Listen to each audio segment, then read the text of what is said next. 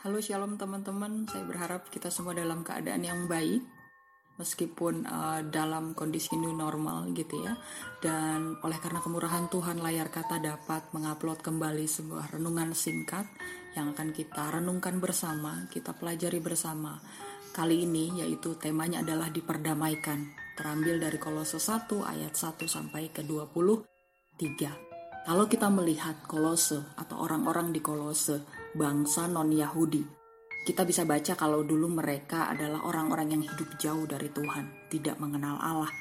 Gitu ya, ada di ayat 21 dan 22. Mereka tidak mengenal Allah tapi sekarang gitu ya, tapi akhirnya mereka diperdamaikan gitu ya oleh Allah.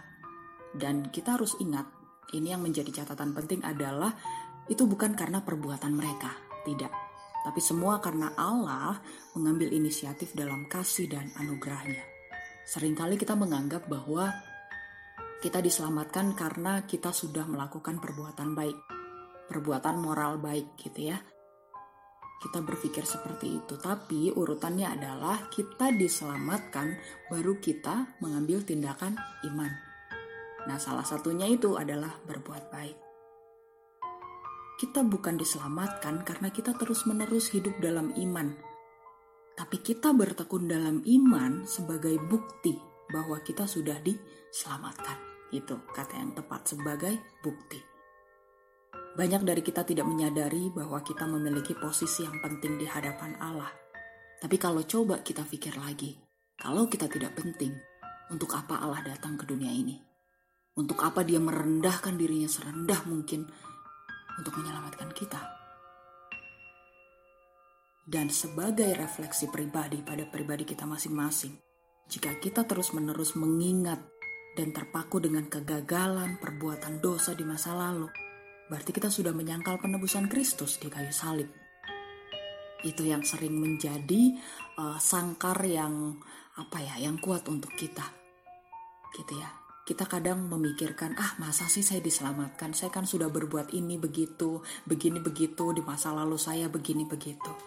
Itu yang mengekang pikiran kita sendiri.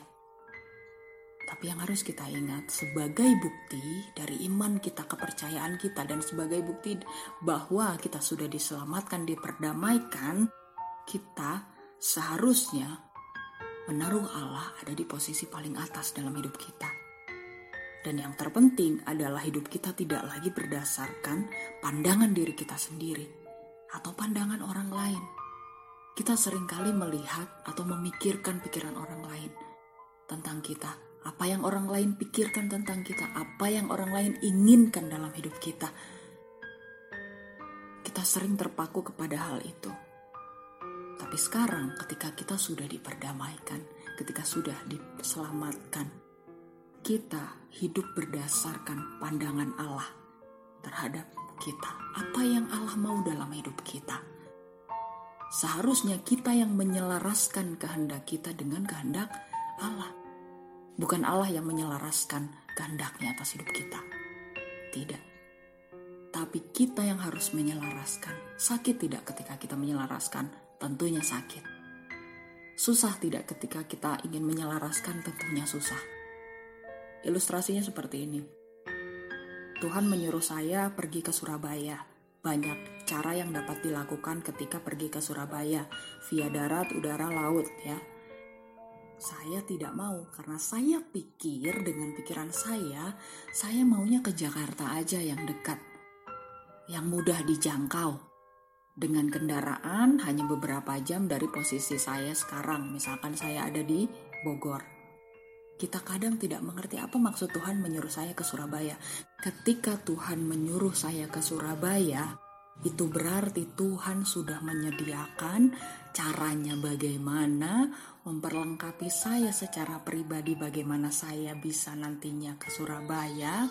Tuhan juga akan mencukupkan setiap kebutuhan saya bagaimana saya bisa sampai di Surabaya. Meskipun mungkin saya tidak tahu apa yang akan Tuhan lakukan untuk hidup saya ketika saya ada di Surabaya. Jadi kita harus belajar mengerti kehendak Tuhan karena kita sudah diperdamaikan. Kita sudah diselamatkan oleh Tuhan. Kita kadang susah untuk bahkan untuk tahu saja, sekedar tahu apa sih kehendak Tuhan dalam hidup kita, kita kadang malas ya. Kita kadang lebih menekankan ego, ah ya udahlah yang penting saya jalani. Untuk tahu kehendak Tuhan saja kadang kita tidak mau, apalagi untuk melakukan kehendak Tuhan. Tapi kali ini kita mau belajar. Karena apa? Kita berharga.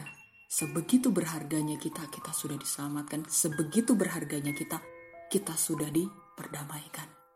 Kiranya renungan ini dapat memberkati kita, menguatkan kita lagi, mengingatkan kita, menegur kita lagi. Kalau selama ini kita merasa, ah saya tidak apa-apa kok dengan kehidupan saya yang sekarang. Saya fine-fine aja. Kita harus cek dulu. Betul tidak apa yang kamu jalani sekarang adalah kehendak Tuhan? Betul tidak kehendakmu itu selaras dengan kehendak Tuhan? Kiranya Tuhan Yesus memberkati. Kita akan ketemu lagi di renungan singkat selanjutnya dan jangan lupa untuk tetap teguh dalam Tuhan. Tuhan Yesus memberkati.